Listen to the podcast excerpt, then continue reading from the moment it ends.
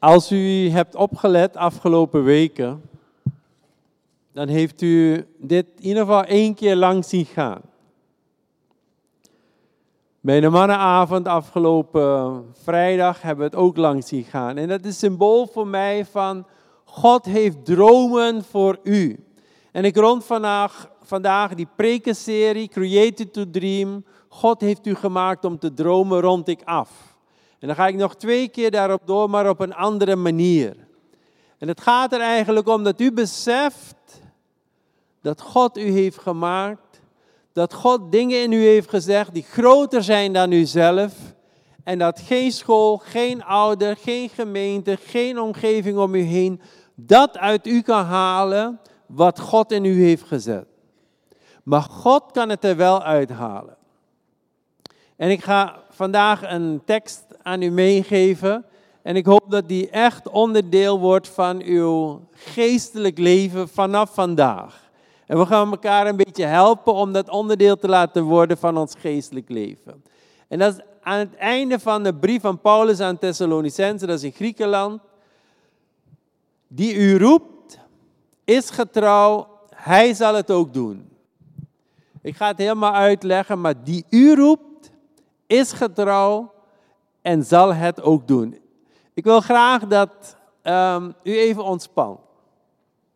Dat u even tegen iemand naast u zegt en anders loopt u naar iemand toe als u alleen staat.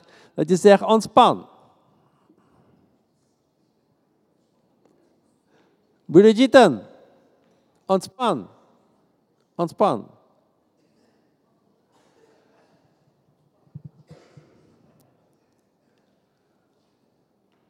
Weet u, u kunt in uw geestelijk leven zo bezig zijn u kunt in uw bediening zo bezig zijn.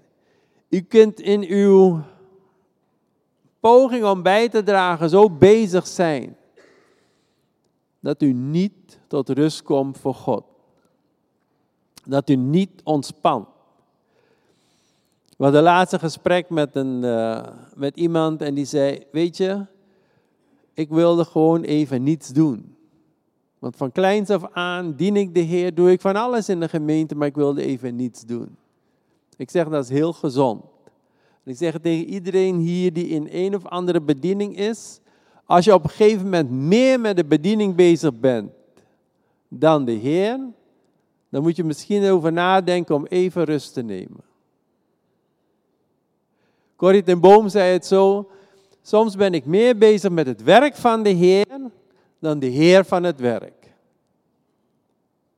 En wat er dan gebeurt, is dat het niet lukt. En waarom lukt het niet? Omdat je niet meer bezig bent met de essentie. Wat is de essentie? Je bent niet bezig met de essentie, de relatie van de Heer, en je bent bezig met geven, geven, geven. Dus je ontvangt niet. Nogmaals, kijk even naast u. Ga nou eens ontspannen. Zeg het maar even tegen. Ga nou ontspannen. Misschien kan je het tegen elkaar zeggen.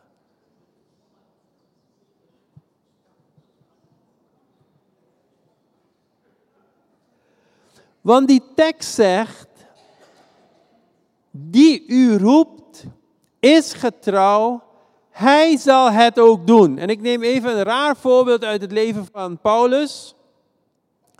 Paulus was in de gevangenis, onterecht. Hij was in de boeien geslagen, onterecht. Hij had zweepslagen gekregen, onterecht. En wat gaat hij doen? Hij gaat niet klagen. Hij gaat de Heer loven en prijzen. Ik zeg niet dat ik dat zou kunnen. Het gaat mij erom van wat Paulus heeft meegemaakt. En wat hij dan doet. Hij gaat de Heer loven en prijzen. En op het moment dat hij de Heer looft en prijst in het midden van de nacht, ontstaat er een aardbeving. En die aardbeving is zo hevig dat hij helemaal bevrijd wordt van alle boeien die hem vasthouden. En misschien dacht hij daarover na toen hij dit schreef. God die u roept, is trouw, God zal het ook doen. En eigenlijk moet je eerst lezen, God zal het doen, want hij die u roept om hem te volgen, is trouw. Dus Paulus zit in de gevangenis, hij looft de Heer, hij prijst de Heer. Er komt de aardbeving en de boeien vallen af, de deur is open, hij kan zo weglopen. En op dat moment zegt hij tegen iedereen rustig. Op dat moment beseft de gevangenbewaarder, de hoofdgevangenbewaarder, hij is verantwoordelijk voor al deze mensen en wie als ze ontsnappen, kost het zijn hoofd. En Paulus zegt, sla de hand niet aan jezelf, want we zijn nog allemaal hier. En het verhaal eindigt dat die hoofdgevangenbewaarder Paulus meeneemt naar zijn huis, hem verzorgt. En die man en zijn hele huis komen tot bekering. Als God u een roeping geeft, dan kan het zijn dat u in een situatie komt waarin u niets meer kan doen, niets meer kan betekenen. En dan gaat het niet meer om wat u doet, maar gaat het om wie u bent met de Heer. En dan gaat u in gebed en dan gaat u in de lofprijzing en dan gaat u naar God toe en begin Hem te danken. Degene die het boek schreef, Created to Dream, die schreef het zo. When you thank God for something after it happens, that's gratitude. But when you thank God for something before it happens, that is faith. Dus als er iets gebeurt in je leven en je dankt de Heer daarvoor, dat is dankbaarheid. Maar als je in een situatie bent dat er nog iets moet gebeuren en je dankt de Heer daarvoor, dat is geloof.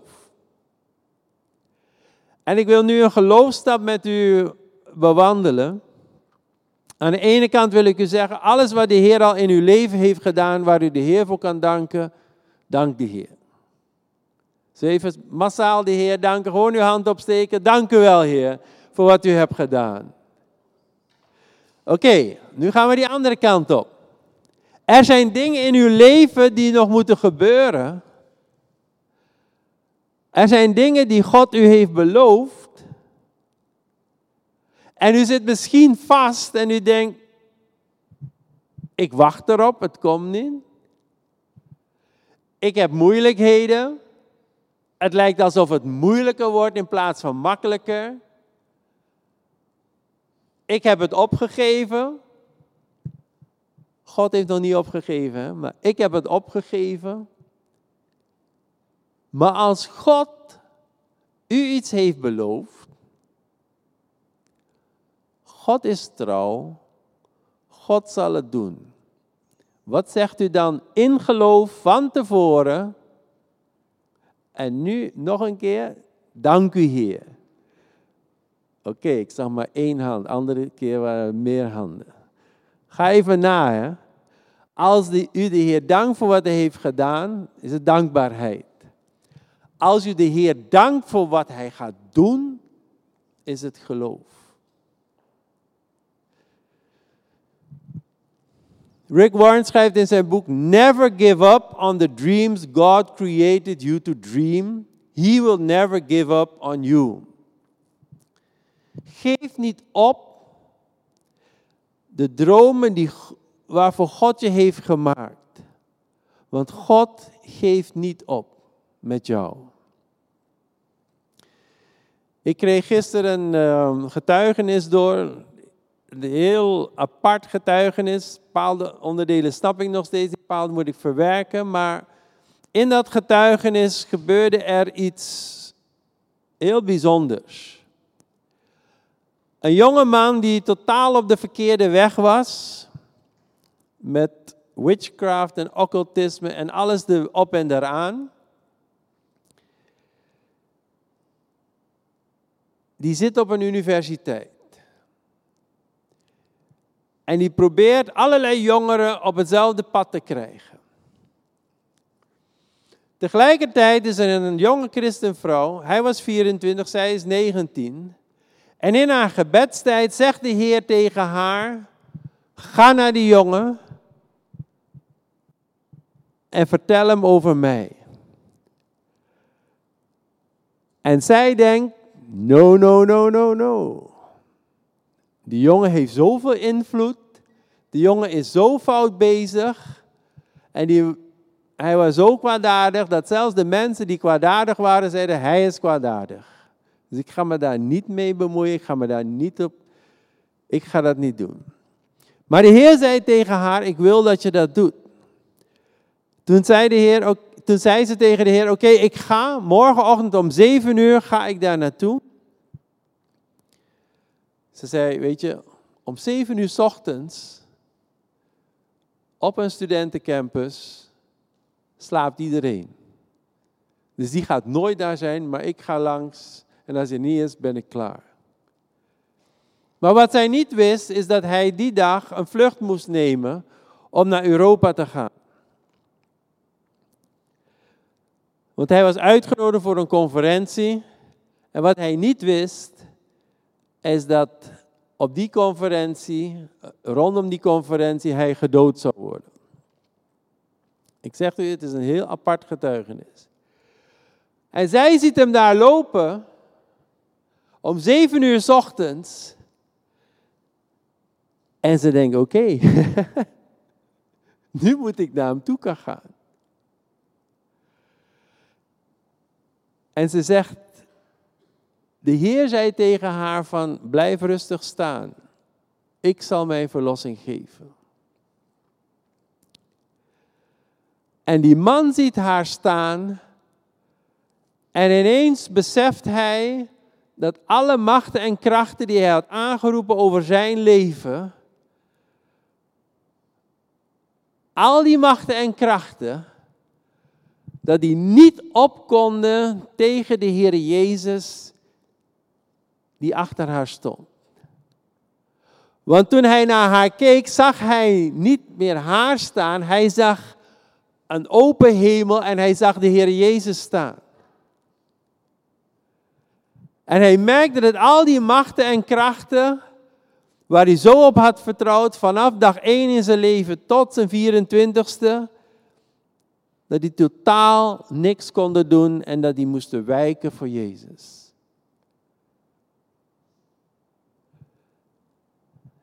En na dat moment gebeurt er iets heel aparts.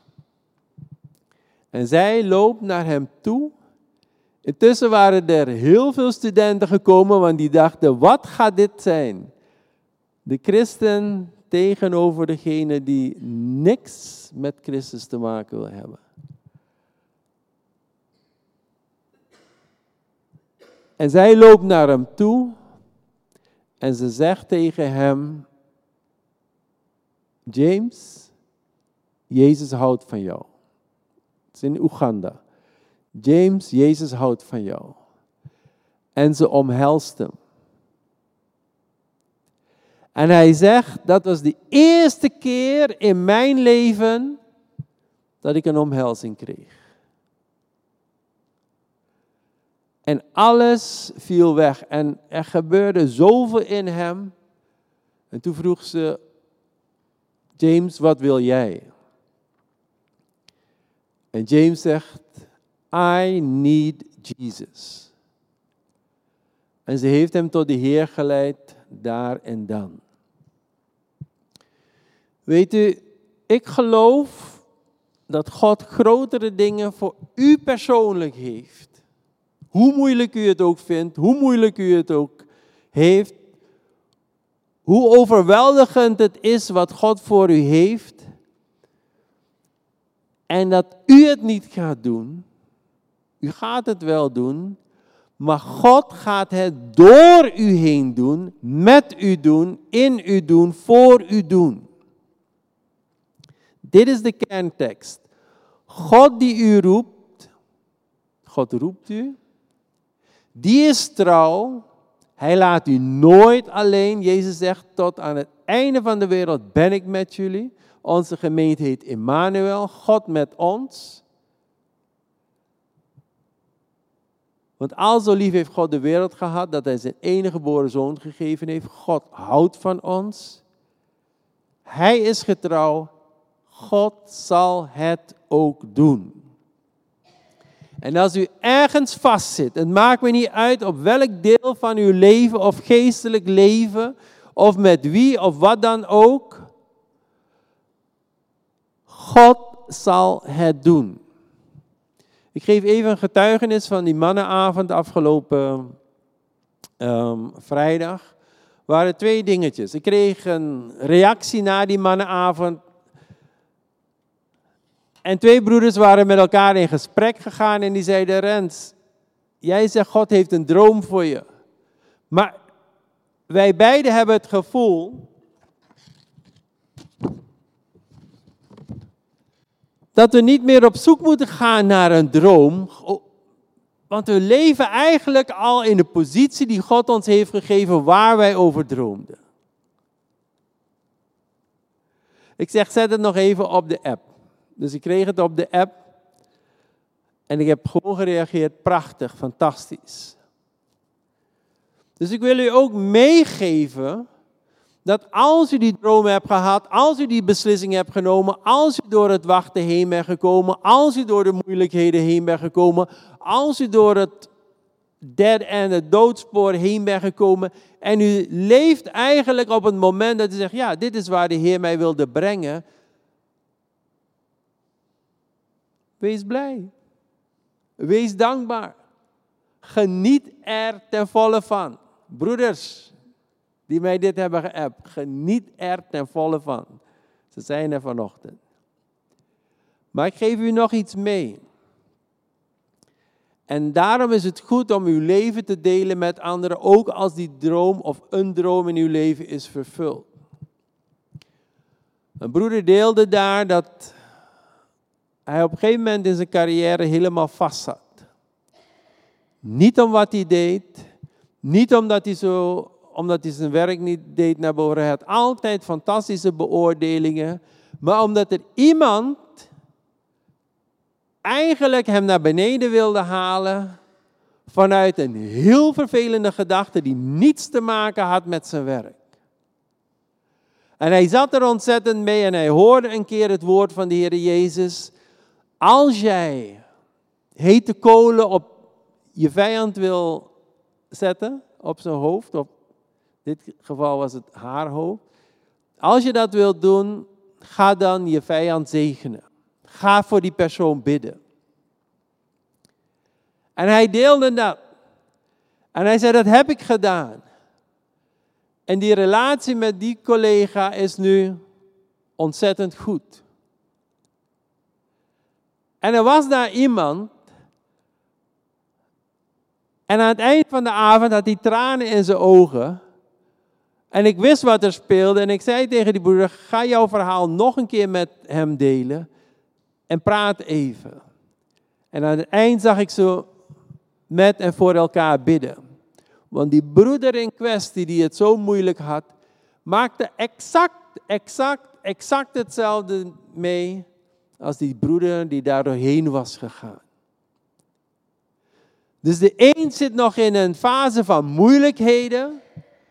Hij zei, ik heb alles gedaan, alles geprobeerd. Ik heb, ik heb gebeden, ik heb dit gedaan, ik heb dat gedaan. Maar ik zit nog vast en het doet me pijn en ik, ik kom er niet doorheen. En die andere broeder zegt, ik ben er doorheen gekomen, want hij die u roept, is trouw, die zal het ook doen. Als jij jouw vijand zegent, als jij voor jouw vijand bidt, even feitelijk, die andere persoon ziet je niet. Die andere persoon hoort je niet. Die andere persoon maakt je niet mee. Naar het denken is het misschien van ik doe helemaal niks. Maar geestelijk doe je wel iets. Je doet wat de Heer van je vraagt. En Hij die u roept, die is trouw en die gaat iets veranderen. Weet je, ik hoop zo dat u vandaag eigenlijk dat er, en misschien gaat het over 1, 2, 3 weken, Maar dat er bij u iets landt van, God heeft mij gemaakt. En God heeft goede, grote, machtige dingen met mij voor. En het kan zijn dat ik het nooit zie. Het kan zijn dat ik het nooit meemaak, zoals een Abraham. Maar God heeft het goede met mij voor. En ik zal tot zegen zijn. Niet omdat ik het ben, maar omdat God het wil in en door mij. Dus ik wil graag dat u even echt in, in alles loslaat, alle moeilijkheden, al, alle dingen waarvan zegt dat een doodspoor, het kan niet, alle mislukkingen, alle dingen waarvan je zegt, ja, maar ik wacht al zo lang, dat u vasthoudt aan die beslissing, als God een droom geeft, ga ik ervoor. En dat u even in ontspanning komt. En dat u beseft, ik ga het niet doen. Maar God gaat het doen, want Hij is trouw. God gaat het met mij doen, door mij doen. En weet u wat dat zal betekenen voor een ander? Weet u wat het betekende voor die jonge man die die christenvrouw om zeven uur ochtends daar ontmoette? Terwijl hij eigenlijk het vliegtuig naar zijn dood zou nemen. Hij hoorde pas achteraf wat de planning was daar. Van mensen die in die bijeenkomst waren en die later tot bekering zijn gekomen door zijn getuigenis. Het meisje wist niet wat zij zou doen. Dat meisje had niet door wat God door haar heen zou doen. Maar ze deed precies wat de Heer van haar vroeg. Ik getuig. Ik wil graag dat u in die ontspanning komt. En in Efeze 1 staat, God doet het willen en het werken in ons. God doet het willen en het werken in ons. In Romeinen staat, in Christus zijn wij een nieuwe schepping. En die schepping hebben wij niet gedaan, heeft God gedaan. Dus als u de Heer Jezus hebt aangenomen, als u hem kent, als u met hem leeft, u bent een nieuwe schepping. En de kracht die in Jezus was, is ook in u. Your dead end is the doorway to God's deliverance. Als jij op een doodspoor zit, geeft God die bevrijding. En ik wil graag dat we op dit moment even naar de Heer toe gaan. Met al onze dromen. Al onze eigen dromen. Dat we naar de Heer toe gaan met. U mag uw ogen dicht doen of open, maakt niet uit als u zich maar concentreert op de Heer. Met alle dromen die u voor de Heer heeft, voor zijn koninkrijk. U kunt misschien u hoort het misschien, u ziet het misschien, u voelt het misschien. Het zou er zo uitzien, het zou zo uitzien. Ik weet dat er drie mensen zijn geweest die zeiden van Rens, ik zie deze zaal helemaal vol. Er zijn mensen die meer hebben gezien. Breng dat voor de Heer. Breng uw dromen voor de Heer. Er zijn mensen die dromen van God hebben gehad. Er zijn, een zuster kwam naar me toe en zegt, dominee, broeder, ik, ik moet even zeggen, sinds u het heeft over dromen, droom ik heel veel. Soms heb ik er hoofdpijn van. Maar breng al die dromen voor de Heer. Het zijn niet uw dromen. Vraag Gods geest om op uw dromen te werken. In Genesis 1 staat, God zweefde over de wateren, over de chaos. En daarna komt die stem uit de hemel en die gaat scheppen. Misschien is er verwarring in uw verstand, in uw geest, in uw leven, in uw lichaam. Misschien is er chaos. Misschien zijn er dingen uit de duisternis die over u heen komen of dingen uit het verleden. Maar God zegt, er zij licht en er is licht. En God heeft de dag en de nacht gemaakt. U hoeft niet meer bang te zijn voor de nacht. David zegt, al ga ik door een dal van diepe duisternis, ik vrees geen kwaad, want u bent met mij. Geef alles aan de Heer, al die dromen. En ga naar de Heer toe en zeg, Heer, ik weet, mijn verlosser leeft. Ik weet, u geeft boven bidden en denken. Ik weet, Wij kunnen soms niet eens bidden en verwoorden wat u voor ons heeft. Maar ik weet ook, Heer, dat u het wil doen, kan doen en zal doen en aan het doen bent in ons leven, in mijn leven, in het leven van broeders en zusters. En ik wil graag dat u de komende tijd in de gemeente staat en zegt, broeder zuster, deel me wat God u heeft laten zien. En ik bemoedig u in uw droom. Ik bemoedig u in wat de Heer u heeft gegeven. Misschien bent u nog geen christen. Maar geef de Heer u al dromen. En moet u nog tegen de Heer zeggen, ja Heer, hier ben ik. Zullen we even gaan staan en twee momenten nemen.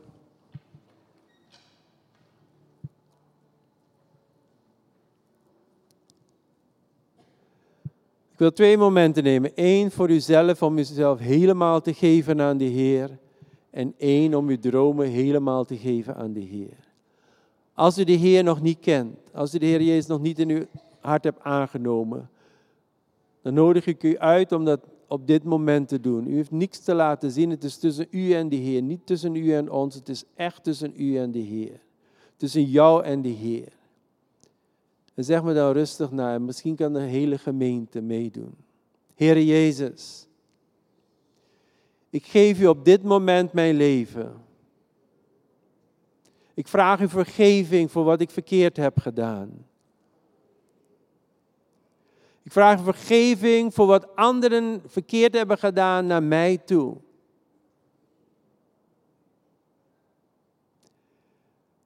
En ik leg alles af wat niet van u is, maar van het rijk der duisternis. Ik neem u aan als mijn persoonlijke verlosser, mijn bevrijder, mijn Heer, mijn heiland.